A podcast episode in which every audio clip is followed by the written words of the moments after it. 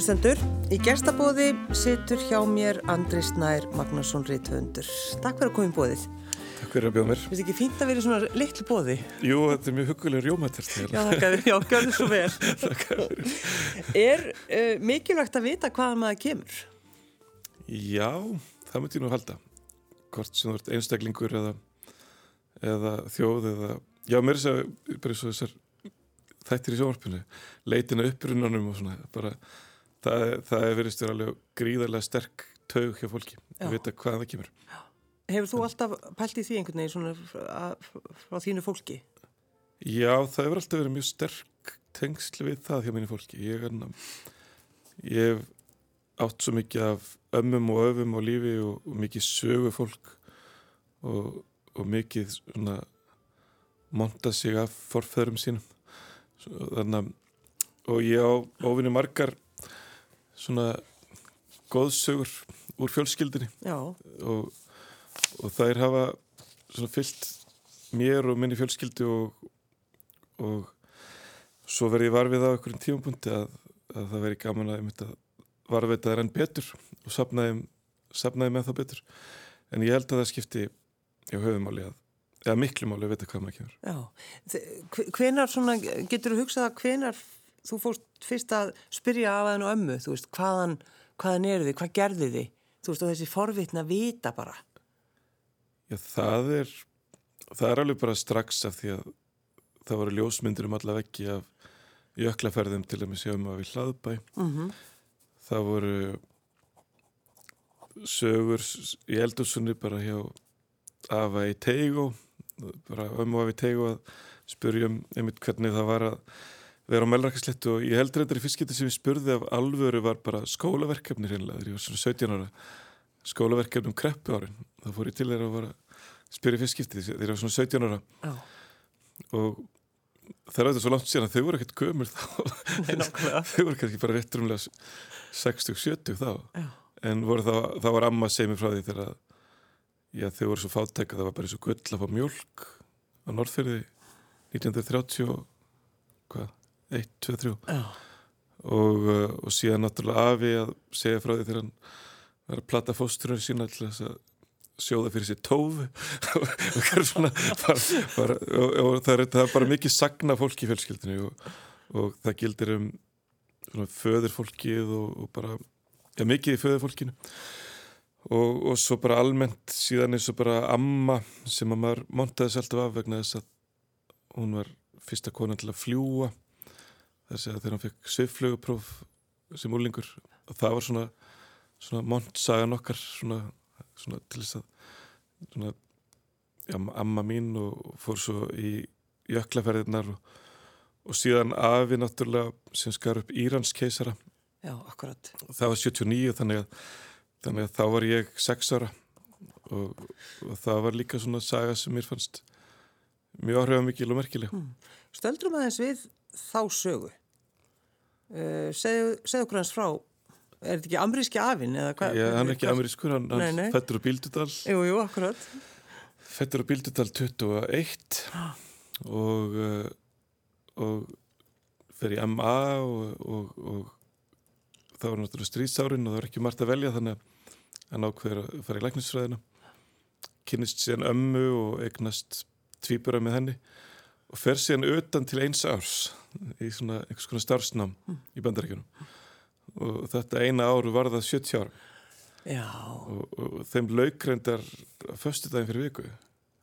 Og þann dó daginn sem bókið mér kom út 98 ára gammal Hvað sér?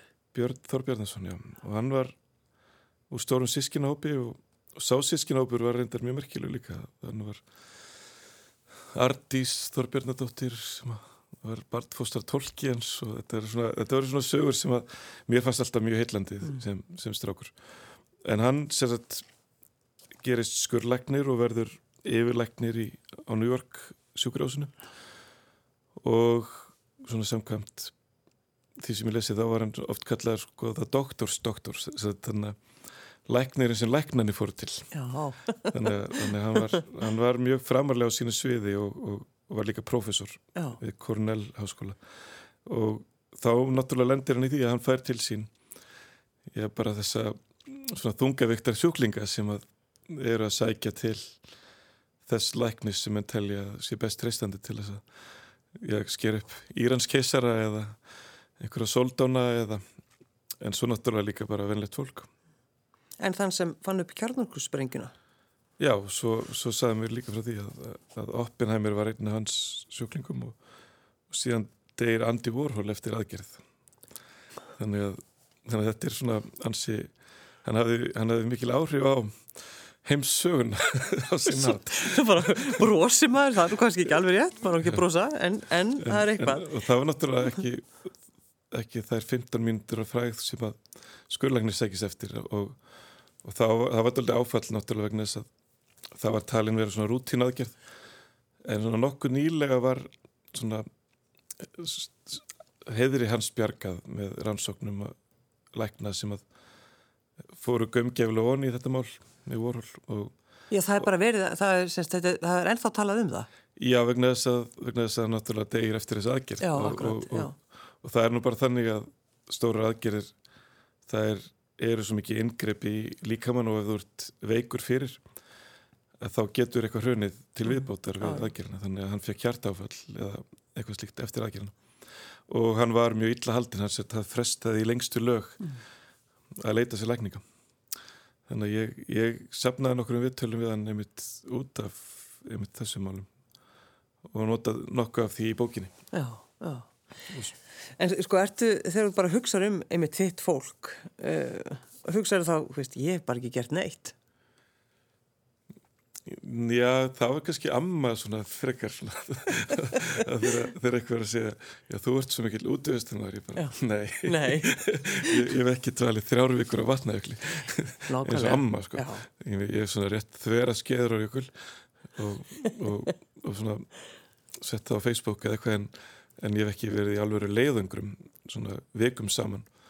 Eins og súkynslu hvað þá við þá með þann búnað og aðstæður sem voru þessum tíma og, og, og í rauninni hversu ókanna það land var. Mm. að þau voru svona halgir landnimar eða frumkvölar í, í fjalleferðum og leita að leiðum yfir vötn og vöð og, og já, kortleikja sprungusveið á vatnaukli og þannig að auðvitað hefur svona kannski eigur svona það að hafa svona hetjur sem forfiður skapar einhvern metna hjá manni til þess að gera eitthvað. Já En það, þú, þú ert maður, bara heyrið þegar þú talar um þetta og þú náttúrulega skrifar um þig og hefur svo ofta einmitt talað um af hann ömmu, einhvern veginn svona þú ert stoltur að bara koma Já, all, all fjölskyldan er, er náttúrulega og það er mjög gaman að eiga sérstaklega eins og svona eins og þessum tímum feminismans að, að það áttum að kannski löngu áður svona hvern fyrirmynd sem Já. að, sem að svona let ekkert sér fyrir brjósti brenna og, og það er mjög selta skemmtilegt flugskýrtina hennar vegna þess að það stendur sko fættur og það er strókað út ur. Þannig, þannig, þannig, þannig að hún þurfti að hún sagði um daginn eftir fyrirleisturum minn þannig að viðbúri í borgarleikusinu þá sagði hún hún er 95 ára núna hún sagði, sagði já maður kannski bara brautriðandi á ykkur um svið hún er kannski fattað að núna að hún hefur verið það en, en hún var náttúrulega hennar fyrirmyndi voru kannski bræður hennar. Og hún vildi bara vera eins og þeir og vildi ekkert vera ykkur öðru hlutverki heldur en, heldur en þeir. Og fekk kvartningu að heimann um að bara vera frjáls og fara í ferðalög og já, já. gera það sem henni síndist Er það mikilvægt fyrir þig Andris að hafa svona fyrirmynd hvern eh, fyrirmyndirnar þínar bara? Svo ég náttúrulega sterka móður og, og þó hún hafi ekki farið á jökul og svona það... Já, er það mikilvægt fyrir þig bara sem kallmann? Já, ég á jafn miklar fyrirmyndir hjá konum eins og kallum Já, akkurat. Ég er náttúrulega alveg upp þegar Björk er að ná árangri og þegar Vigdís er fórseti þegar Ingi Björg Solrún er, er borgarstjóri að og já og svo sýsti mín hún, hún er líka ef ég, ef ég held áfram að monta mig. Já, já, mokkera það. Sýsti mín er fyrsti hvern heilaskurlagnirinn á Íslandi. Mm. og hún er náttúrulega eldri sýsti mín þannig að ég leitt mjög upp til hennar alltaf ja. og hef alltaf gert. Og montaði mig á henni, þetta er hljómar að sé einhver montrasil en, en, en neð, þetta er nú bara svona vandum þykja og, og, og líka bara kannski að taka eftirlutum þetta er ekki bara mont heldur maður bara er að skoða og hugsa og, og, og ég finnst annað fólk alveg merkilegt, það er ekki það. En, en bara svona þegar ég horfi í kringum mig og, og eins og ég segi amma mín í tegagerði hún var ekki jæna, ég held hún hefði aldrei þórað að fara upp á jökul og ég held hún hefði aldrei þórað að fara í flugvel heldur. En hún var alveg mikil fyrirmynd fyrir mér bara svona sem manneskja og, og, og annað þó hún hafi ekki svona, svona skráðs nafnsitt í hennar sögubækur. Nei, nei, nei, og það var, það var reyndar mjög sérstætt því hún, hún er alveg upp á fætt og norðfyrði og senda heimann 8 ára í vist eða til að passa börn. Einhverjum svona floknar aðstæður kannski fátækt. Og fer og búa hjá Eithóri í Lindu sem stopnaði Linduverksmiðunar á Akureyri. Og, og uh, hún sér satt þarna já bara svona heiðarleg svona alþýðu kona með mjög sterka réttlætiskent og, og, og mikill humoristi og var nú listneið sem barn en, en gerði óbúslega fallegar myndir þegar hún var bara úlingur en áðeil aldrei að þroska það, hún hefur mjög góður myndlistamæður og hún hefði haft efni og aðstæðar til. Mm. hefði hún ekki lengt í þessu barnabasli og öllu þessu. Þannig, og, og uppruna sagt, þannig að í, í fjölskyldu minni eru svona tvær brúköpsferðir sem eru sem eru stórar, það er brúköpsferðum og afepp á vatnaugul og hjá móðu fjölskyldinu og svo brúköpsferð afa í Tegó sem að hann sett frettir af því að hann hafði eignast barn á Norðferði 1947 og þá var hann reynda trúluðar í Reykjavík. Þannig að það var nú eitthvað, eitthvað flókið. Já, já. Og, og, eh, en hann tók leigubíl austur. Tók hann leigubíl? Já, tók leigubíl austur, já. Og ég held að hann hefði verið vik á leðinni Já, hann er ekki virk í dag. Nei, og, og þar býður hann ömmu minnar og þau, þau gifta sig þarna hjá svona einhverjum slompuðum síslumanni eða, eða, lögfræðingi hjá síslumanni eða hvar á, sí, á sísluskrifstofunni og svo stóð til að fara í brúköpsferð með hanna á legubílnum en, en, en langa maður vildi ekki leipa ömmu af stað með lítið barn með þessum æfintýramanni þannig að hann fór einn í brúköpsferð til fóröldra sína á Mölnarkisléttu og, og þar voru gamlu hjónin Sár Nexlið og hann skildi giftast konu sem egnaðist barn með trúlóðaðu manni þannig að þannig að þetta er ekki bara þannig að það er svona, svona fjölskyldisögurnar eru nú skemmtilega þessi er nú ekki bókinu sko. Nei, þessi er ég gemdi þessa fyrir þessi er, takk fyrir að segja hana þetta er frábær saga en, en, en, oh. en það er svona það er mjög sterk tengsl við náttúrulega fort tíðina Já. á meðlagsnettu og, og, og, og það kemur líka til maður í gegnum bara að dvelja með fjölskyldinni vegna þess að þar dvelum að kannski með já, föður, sýstur og, og já, kannski tveimur, þreimur sískinum pappa já. þannig að það er endalisa sögur. Já. og ég, kannski einu munum á mér og þessu fólki er að ég hef svona gert mér matur þessu. Er bara að segja sögurnar. Já, þú, þú kemur nýra blad Ég, ég kemur á blad og, og reyna, já. Já, en þegar maður sko, þegar maður, fær bókina þín í hendur um tíman og vatnið. Um, það eru svona einhverja pælingar maður sko stríkur hún er einhvern veginn svona mjúk. Já. Uh, samt hörð. Mér skipta miklu máli að það þú strjúka bók Já, akkur, akkur líður, er það? Akkur vil maður það? Ég, ég veit það ekki, það er svona þú er ekki kindil, rafbækur. Nei, Ég er kannski að lesa rafbók, búin að vera að lesa hana í, í viku eða eitthvað. Svona búin að vera með hana á kantinum. Og svo spyr ykkur hvert er lesa og ég segi ég að lesa ykkur bók ég, ég man nú ekki alveg hver höfundur heitir og að því að það er eitthvað ekkert til þess að festa minni við, ég get ekki strókið henni. Og, og, og svo þegar ég að slökkva á kindlinu með eitthvað og opna hann aftur til að sjá hva, hvernig kápan leit út að því að hún er eitthvað eitthvað aftar í, í tölvunni eða, eða hún plassir ekki við þegar ég opna hann og þess vegna held ég að bókin minn alltaf lifa. Ég, ég held að, að fólk vilji líka þú fært svona hlut og þú dvelur með honum í einhverja daga og setur upp í hillu og kemur tilbaka. Og ég held að bókin minn ekki tapa fyrir rafbókinni. Nei, en uh, Andri Snær, um hvað er þessi bók? Þessi bók fjallar um tíman og vatnið bókstaflega. Ekki eins og Stein Steinar en samt svolítið bókstaflega eins og þarna í ljóðlínu Stein Steinars þar sem talar um að hvað er ekki, tíminn er eins og mynd málið af vatninu og mér til hálfs.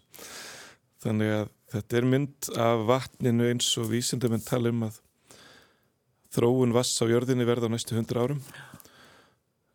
Þar sem að jöklarnir eh, þar sem að jörðin hefur yfirgefið jarðsögulegan skala í breytingum þar sem hún breytist áður kannski á miljón ára sveplum eða, eða hundrað þúsund ára sveplum eða þúsund ára og er að breytast núna á líftíma einnar mannesku sem fæðist í dag og verður jafn gömul og bara amma þannig að Hvað ertu búin að vera lengi að skrifa hana?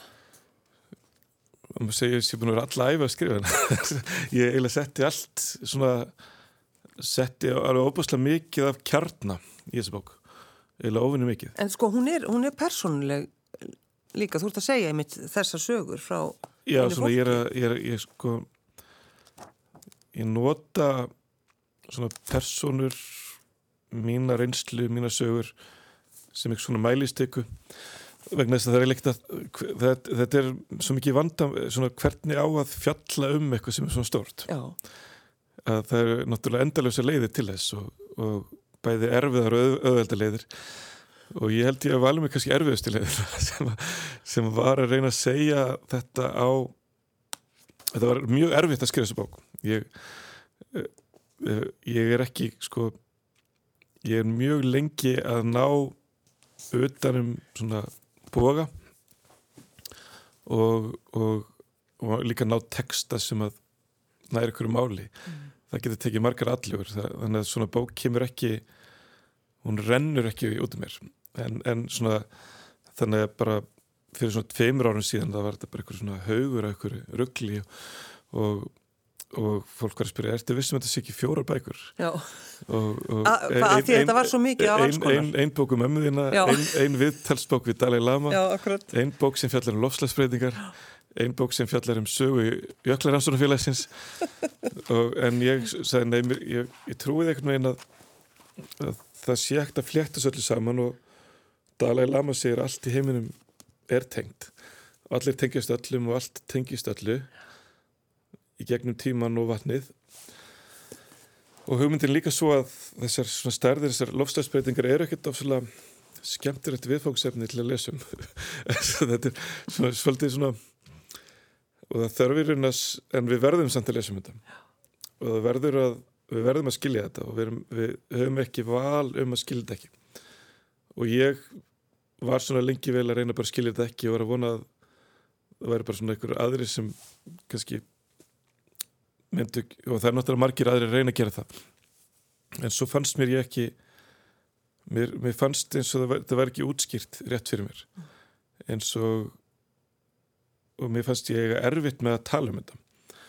Það er segja bara því að ég gæti ekki fótað mig í tungumálinu og, og í hugtökunum og stærðunum og alltaf þessu og, og það fór tóldi í töðanar mér að, að hérna stærsta mál í heimi og á ég ekki geta svona, svona haft einhverja tilfinningu fyrir, fyrir skalanum og stærðunum og þannig að í rauninu byrja ég bara að útskýra þetta fyrir sjálfur mér og síðan hitt ég lofslagsfræðing sem var mjög framarlega á sínu sviði og hann spurði af hverju þú bara skrifum foss og flúðir Já. og einhver hálendistali já, en af hverju talar ekki um stærsta mál í heimi? Og ég sagði, já, ég er nú ekki vísindamæður og ég veist, get ekki fyrir að blanda mér inn í ykkar svið. Þi- þetta er ykkar svið og hann sagði, þetta er ekkit okkar svið. Við erum bara að mæla og rannsaka og við byrtum niðurstöður en við erum ekkert að fara að segja sögur um þetta. Við erum ekkert að fara að blanda þessu saman við ljóð eða, eða góðsugur eða, og það er bara gegnum svoleiðis miðla sem mannkynnið skilur hluti. Þannig skildu við bara líðveldið gegnum enna, Ísland farselda frón. Þannig, þannig skiljum við bara skiljum við bara allt í rauninni gegnum lög og ljóð og sögur og góðsögur góðsögur sem útskýra Pandoru-bóksið eða, eða, eða Promothave eða, eða eitthvað, eitthvað slíkt. Þannig að þannig að þannig að það var í rauninni svona fyrir svona áskorun eða kvartningu vísindamann sem sagði ef að þú skilur þetta ekki þá hef ég brugðist sem vísindamæður og kannski þú líka sem ábyrgur borgari að leggja örlítið á þig að skilja þessi vísindi og síðan þýða þið kannski yfir á næsta stig sem er þá mannamál eða, eða, eða taka meginatriðin og, og fjallindi þannig að, þannig að og svo vildi bara svo til að ég átti allar þessar sögur hjá minni fjölskyldu þannig að ég gat, get nota þær sem farveg. Þannig að, þannig að saga um og afa í jöklaransonafélaginu hefur allt í miklu dýpir í þýðingu núna þegar við þurfum að vita hvert er þessir jöklar að fara já, já, já. og þá allt í hennu tengist þessi saga en, en, en líka virkar til þess að tengja okkur á svona annan hátt við jökulinn heldur en bara að útskýra jökul á okkur þurranhátt, þá allt í hennu hefur hann þá er allt í hennu komið hjarta í jökulinn Mm. og þá allt í hennu hefur að þýðingu að allt í hennu tengist það síðan bara reynlega og já, síðan fæ ég þarna þetta skrýtna bóðum að taka vittal við Dalai Lama þetta er Haldóra Þorlóksdóttir sem ringdi mig og baði mig um að taka vittal við hann og, og ég sagði ég er nú ekki alveg viss ég, ég, ég svona þegar að spyrja páan um leifi ég held að þetta væri svona eitthvað grín já, já. en, en þarna og þá einmitt fer ég að velta fyrir mig hver, hvað ég geti spurt hann að og þá þá allt í henni kemur upp á dúrnum náttúrulega hvað er að gerast með jöklana í himalæðisvæðinu þannig, að- allt í henni fara jöklaransóknis voru 1950 eitthvað bara svona svona, svona löngun í fjallaferðir og, og svona bara bara eftir sókn eftir þekkingu og kortleggja. Allt í henni er, er þar líka líkill bara að, að framtíð mannkynsins af því að ef við missum jöklana á heimalægisvæðinu þá, þá getur spilaborgir fara að falla sem að, sem að er mjög mikilvægt já, hvort þær falli eða hvenar þær falli og hvað er þá hægt að gera til þess að koma í veg fyrir að það reykti hreinlega í stóðum mannkynsins ef að þessir jöklar hverfa sem eru lífæðar ja, miljardur manna sem að nærist á þessu For seven years I was lonely, drinking coffee, smelling the true scent of life's muse. In seven years I came restless, without content, never followed my man from sorrow. I bought some time and drank that wine all through those nights and never cried. For seven years I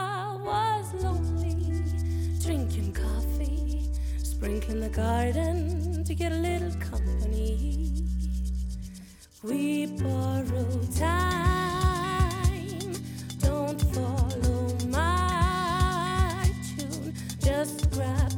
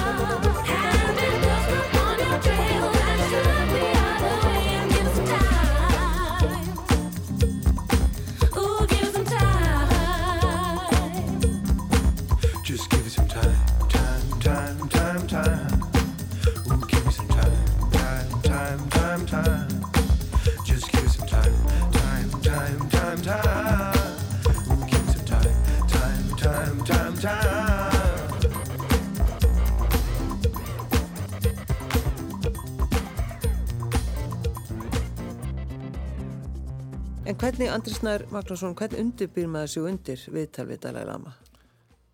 Já, það var, það var bara með því að lesa. Ég, þetta var næstu þess að fara í, í BA-prófið eitthvað.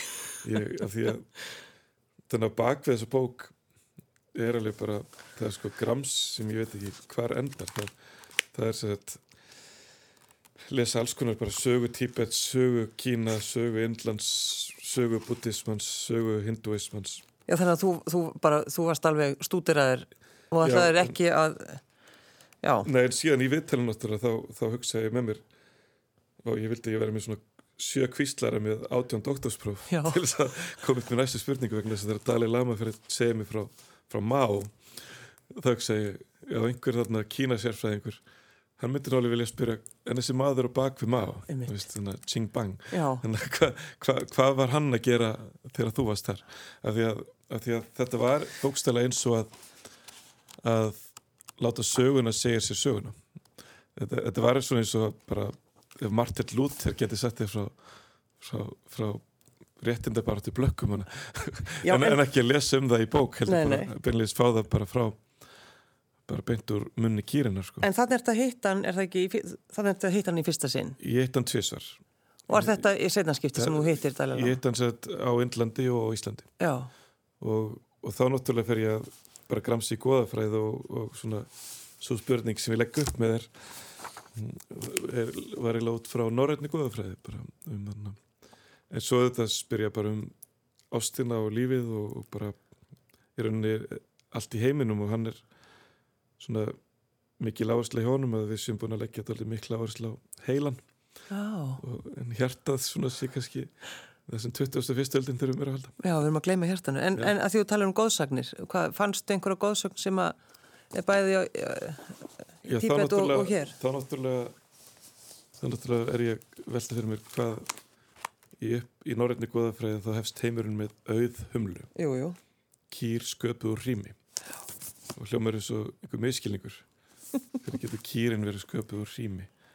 Og úr spenum hennar renna þessar fjórar ár sem að næra veröldina sem að að hljómar er svo kvísluleikur sem fór úrskeiðis. Já, og, endaði í miðaldahandriti svona þúsund árum eftir að sagan fór á kreik. En uh, á Indlandi er svona alheimskýr þar er, þar er einhvers konar auð humla sem heitir Kamatenu. Og, og þessi auð humla allir guðirnir eiga sér bólstað í líkamhennar og, og undirstaða hennar eru, eru heimalega fjallin þannig að undirstaða þessar auðhumlu eru heimalega fjallin og svo fyrir ég að gramsa eitthvað meira og þá er hér að í Nepal sem heitir humla. Og, og, og þar liggur heimalega stígurinn mikli gamla saltleiðin að Kælasfjalli sem er helgasta fjall heims. Og það er hennar fjórar mikilvægast ára Asíu, Indus, Ganga Brahmaputra og upptök Ganga er skriðjökull sem heitir Gomúk sem þýðir bóks- bókstælega munnur kýrinar já, þannig að ég er alltaf bara auðvitað. Kýrsköpu og rými, þetta er jökull uppspretta lífsins fyrir miljard asjubúa og einmitt þegar ég ramba þá auðumlu þá er hún í vanda. Þannig að það fyrir náttúrulega velta fyrir mér hvort ég hef bara fengið vitrun frá vittlisum guði. Hvort auðumlega vitrast mér og beðum um að segja mannkynnu hvað er að gerast og vegna sem beðist væðar Nei, ég segi svona. Já, já, já, þetta var svona að því að þetta er mjög alvarlegt að að, og, og í rauninni og í viðtælunum við Dalai Lama þá þá náttúrulega skiptir bara máli að að ef að hlýjunin er óumflýjanleg þá skiptir samt hraðin líka máli. Og hversu mikið hlýjunin er þannig að, þannig að hvort sem við náum að stöðva allar þessar losun eða, eða mingum helming eða þannig að allt sem við gerum skiptir máli, það skiptir alveg máli hvort að hvort að einhverjir atbyrði gerist 10 árum síðar eða 50 árum síðar þannig að þannig í rauninni allt, þannig að þetta fer frá því að ég er í sakleysislegum heimsóknum hjá afum og að spyrjum hetjulega brúköpsferð yfir í að hitta 14. endurholkun uh, helgasta ja, uh, af heilíu manni yfir í að þarna, fá svona í fangið svona upplýsingar um einmitt þarna ástand himalajökla og, og, og hugsa eða hvernig á að miðla þessu, hvernig á að tala um þetta hvernig skiljum við miljardur manna? Við skiljum, við skiljum ekkert miljard manna en við skiljum samt einamannisku þannig að stundu maður þá að draga sér baka og, byrja að tala um einamannisku vegna þess, að, vegna þess að við getum samsamað, samsamað okkur einni manniski en við erum mjög erfitt með að samsama okkur miljardi manna á mjög undarlegan hátt, ég veit ekki Mm. hvar það forrið komst í okkur en, en það er alltaf þannig En hvernig er það, Andris Nær, uh, sko, þegar þú gefur út eh, Draumalandið, sjálfsjálfarbók handa hrættri þjóð, Já. 2006, um, ég ætla ekki að segja að þú hafir, sko, náður einhverja óvildamenn, en þú, sko, það voru sterk viðbröð og það var, sko, þú, já, þú kannski náður, náður í einhver óvinni þarna. ég, ég, ég, ég, hef aldrei ég hef aldrei í, í vinnu, skóla eða neinstæðar ég hef aldrei eignast óvinn í persónlegu návi Nei, akkurat. þannig að ég hef aldrei, aldrei sko, Þú, hefur aldrei eignast óvinni. ekki, í ná, ekki meðal nágranna eða, eða, eða já, ekki, hvergi þar sem ég hef komið niður Nei. þannig að ég hef aldrei eignast óvinni svona persónlega svona, þetta lindir manni misjaflega vel við fólk en, en ég til mig allavega ekki að eignast svona svona sérstakann óvildamann en þarna náttúrulega stígum maður fram sem svona já, ég er nú 33 ára þegar hann kom út og ég hugsa eftir að ég meina hann má nú eiga það þessi strákur hann óð þannig að hart fram sko. Já, já. og, og, og, og auðvitað sko, var ég, ég var að styggja þarna bara mjög sterka hagsmunni Já, og gera það. fólk sem að og, sko, og mjög rótgróin viðmið eða, eða svona rótgróna grónar hugmyndir um hvernig menn töldu að Ísland ætti að þróast eða eða, eða, eða, eða reynlega bara ég vil raunveruleika skinn einhvers sem að taldi að, að við myndum reynlega ekki lifa af ef við ef ykkur framkvæmdir er það ekki veruleika En, en sko á þessum tíma þegar þú, eh, þú veist að byrja að tala um hana og þú ert í alls konar viðtölum og það er fólk sem kemur og, og útúða þér og allt þetta eh, sko varst einhvern tímann bara brjálaður? Nei, sko, það miklu meira bara að ég væri sko, mér fannst þetta, þetta var hræðilegur tími. Þar sé að mér fannst hræðilegt að vera einhvern veginn uppi sumari sem var talið um að, að gröfur, veist, það, var, það átti að fara að fylla hálslón bráðlega og það var, það, ég held að það var kringum 2006, bara svona um það bil sem bókinu kom út, að ég man ég sapnaði saman einhverjum greinum, það var bara tímaspursmál, hvenær er ég farið í þjórsarver, það var, var aldegarfoss, það nátti að fara það var tímaspursmál, hvenær er hafnar, hafnar ranns, undirbúningsframkandir eða, eða svona rannsóknir á já, akkurat. sem þýtti náttúrulega að fara bara með stórvirkar vinnuvilar inn á bara, inn á bara helgistæði upp á hálendi og, og, og það allir mér reynilega hjarslatatröflunum vegna þess að ég bara vaknaði kannski miðanótt og, og ég var brjálaður yfir því. Já, en ég var ekki brjálaður yfir því eitthvað væri reyður við mig. Það var, ég var þetta, ég, draumalandi var skrifið með því hjarta. Með, svona, með, með, með mjög svona af, af, af mikill ástríð og ég held að ég held að hjartað mitt hafi haldið að ég væri í, í bara borgarstríði vegna þess að mér var svo mikið í húfi og, og það var svo mikið undir. Og, og það var svo það var allt svo það lág svo mikið á og, og það var svo það var svo mikil ögur stund þar sem að bara já, bara einhver svona fallegustu staðir sem ég hef séð áttu bara eiðileggjast bara, bara á morgun. Og, og, og ég veit að þessi tilfinning lág hjá óbúslega mörgum. Og held ég hafi ég vel skadað hilsum margra sko. vegna, þess að, vegna þess að þetta þetta er svo mikill kjarni og þetta var stemt saman á mjög illilegan hátt í rauninni af stjórnvöldum að það var hreinlega stór hópur fólk sem trúði að þetta væri eina leiðin okkar til þess að lifa. bara þess að lifa þetta af já, bara Já. þannig að þa- þar var hópur sem var bara alveg stjórnlaður og á sama tíma voru við að þetta var, þetta var eina sem ég fannst heilagt sko bara og skipta málu á Íslandi það var bara að, að eiga þess að náttur En áttu eftir að gera upp þennan tíma eftir að- þegar þú skrifar þessa bók þú ert þarna eins og segir 33 ára Ég gerir smá, gerir smá upp við hann í bókinu. Í bókinni? Já, Já. þá hugsaði ég eftir og bara, voru við eitthvað rugglu, hvað voru við að, hvað, hvað, voru, eitthvað í múæsingu eða, eða hvað, mm. svo fyrir ég að lesa ferðabók Helga Valtíssonar sem er að ferðast um vestur örafi árið 1939 og hvernig hann lýsir upplifun sinni á þessu landi.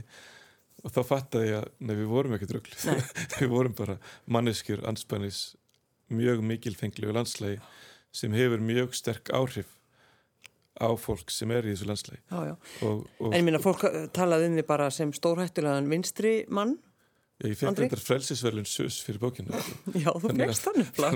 Þannig, sko, nei, nei, minn ekki ég en, en þessi bók er skrifuð með allt öðru hjarta Já, og, og það má eiginlega segja kannski að ég verið oftar klökkur að skrifa hana gagvert sko viðfóngsefninu að ég bara, pff, bara hvað ég gera við þessar upplýsingar og síðan er maður alltaf sko að, að, að, að missa fólkið sitt á sama tíma sko. ertu, ertu viðkvæmur maður, Andri Snær? Já, örglega sko eh, Ég held ég að vera meira klökkur eftir að skrifa þessa bók heldur, heldur en ég var áður en, en ég er ekkert að skilkri, ég veit ekkert hvort sé viðkvæmur en aðrir sko. Nei, nei. ég held allir séu viðkvæmur og ég er ekkert rosalega hörundsár. Ég, ég, ég hef kannski eitthvað skonar réttlæti skend þannig að og hún alveg til að ég vil taka upp hanskan fyrir aðra ef mér finnst svona aðeim veið. Og, og þá kannski eina svona ljótasta myndi ég segja svona eftir draumalandi var að það var alveg fólk sem var sko að ég svona fór fram í rauninni með eitthvað svona að ég til heiðarleika sko, ég fór fram með gögn og upplýsingar og öll þau gögn og allar þær upplýsingar voru, voru í lit vísindamenn sko bara staðfesta það sko. Þannig að sem bladamennska það stóð allt saman. Og ég veit að, að bæði landsvirkjun og orkustofnun létu menn lesa bókina til þess að finna veilur og, og ég þekki, ég hef hitt fólk sem að fekk bara það verkefni. Bara var bara var í vinnu við það í kannski eina, tver vikur að lús lesa bókina og finna á henni högstað og, og þau bara kláruðu og sögðu bara, þetta er bara fín bók. Já, og, og fundu ekki í tölfræðinu svona. en, en auðvitað þegar maður er að íta á hluti já, og ítir á personur og ítir á fólk og skapar sér svona eitthvað svona, svona sem er erfitt í litlu samfélagi af því að, að, að þá náttúrulega kannski er einhver sem að telur sig kannski harma hefna eða eitthvað. Þannig að eins og þegar, þegar listamann umræðin kom upp hérna um árið þar sem er sagt ég hef skrifað eina bók á tíu árum já, og fengi 40 miljónur fyrir það. Og Þetta, var, var, þetta fór í blöðinu, var það ekki? Jú, þetta var í blöðun, þetta var sett sett að ég, að ég hef verið stjórn réttunarsambansins sem hefði útlutað mér 40 miljónum til að skrifa eina bók á, á tíu árum. Já, og þetta var svo mikið vitleist að ég held að ég held að þetta væri bara veist, hvernig get ég skrifa eina bók á tíu árum ef ég fekk bókmyndavelurinn tvisar á þessu tímabili.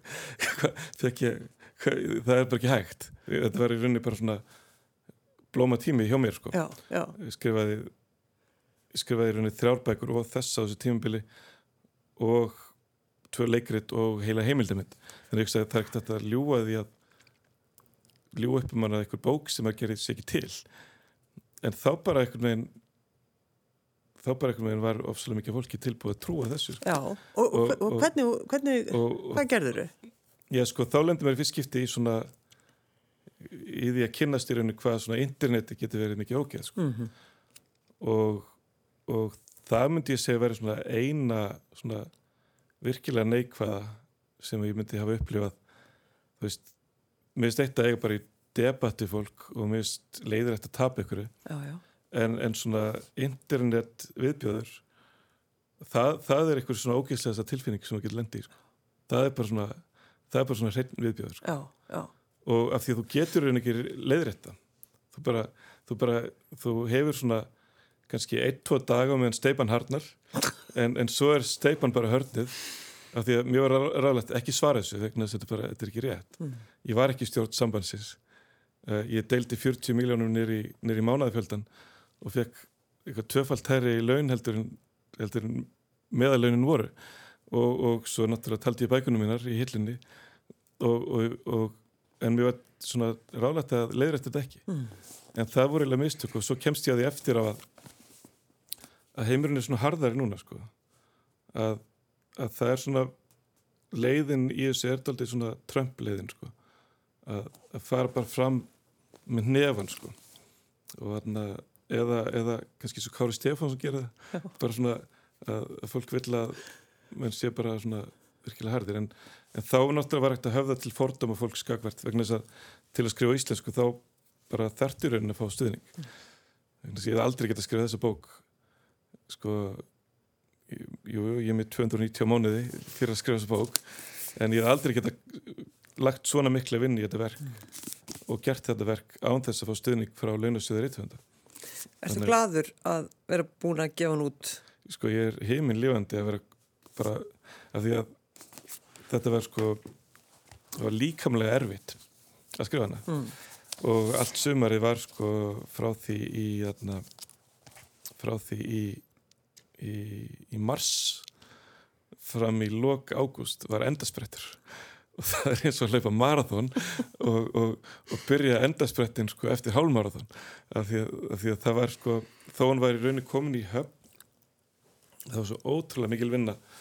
Af því að sko heimildirnar varða sko sírustygg sjávar, þær varða jökla, þær varða lofttjúpin, þær varða sko viðtölum, þetta, þetta var í rauninni alveg bara ótrúlega vinna.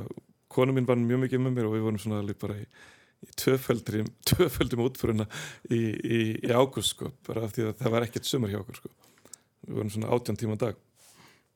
En síðan að hafa hana í, hendur, í höndunum og, og að strúkinni Mm. að þá, þá hverfur þetta er eins og þessu fæðing. Ef að, ef að konur myndi muna fæðinguna þá myndi konu aldrei eignast meira en eitt að- en um leiðum maður komið bókin og stríkur þá er maður búin að gleyma gleyma því að sé búið að klippa og sauma og allt þetta. Andris Nær Magnússon, takk fyrir að koma í gestabóð. Takk fyrir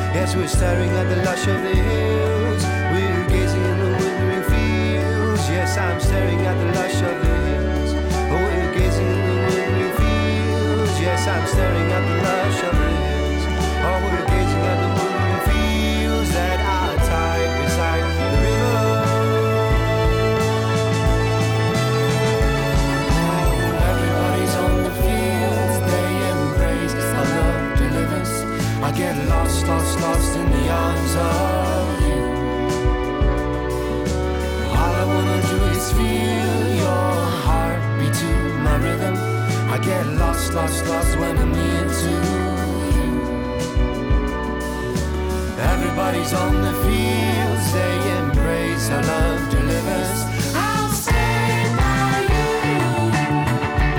even if the a I'll stay by you, even if the a on the they embrace our love delivers. I get lost, lost, lost in the arms of. Do is feel your heartbeat to my rhythm.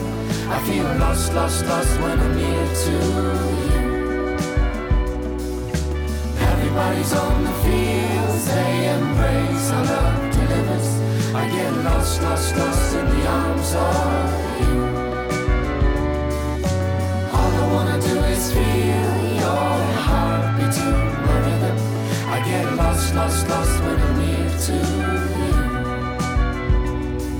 I feel lost, lost, lost when I'm near to you. I get lost, lost, lost when I'm near to you. I feel lost, lost, lost when I'm near to you.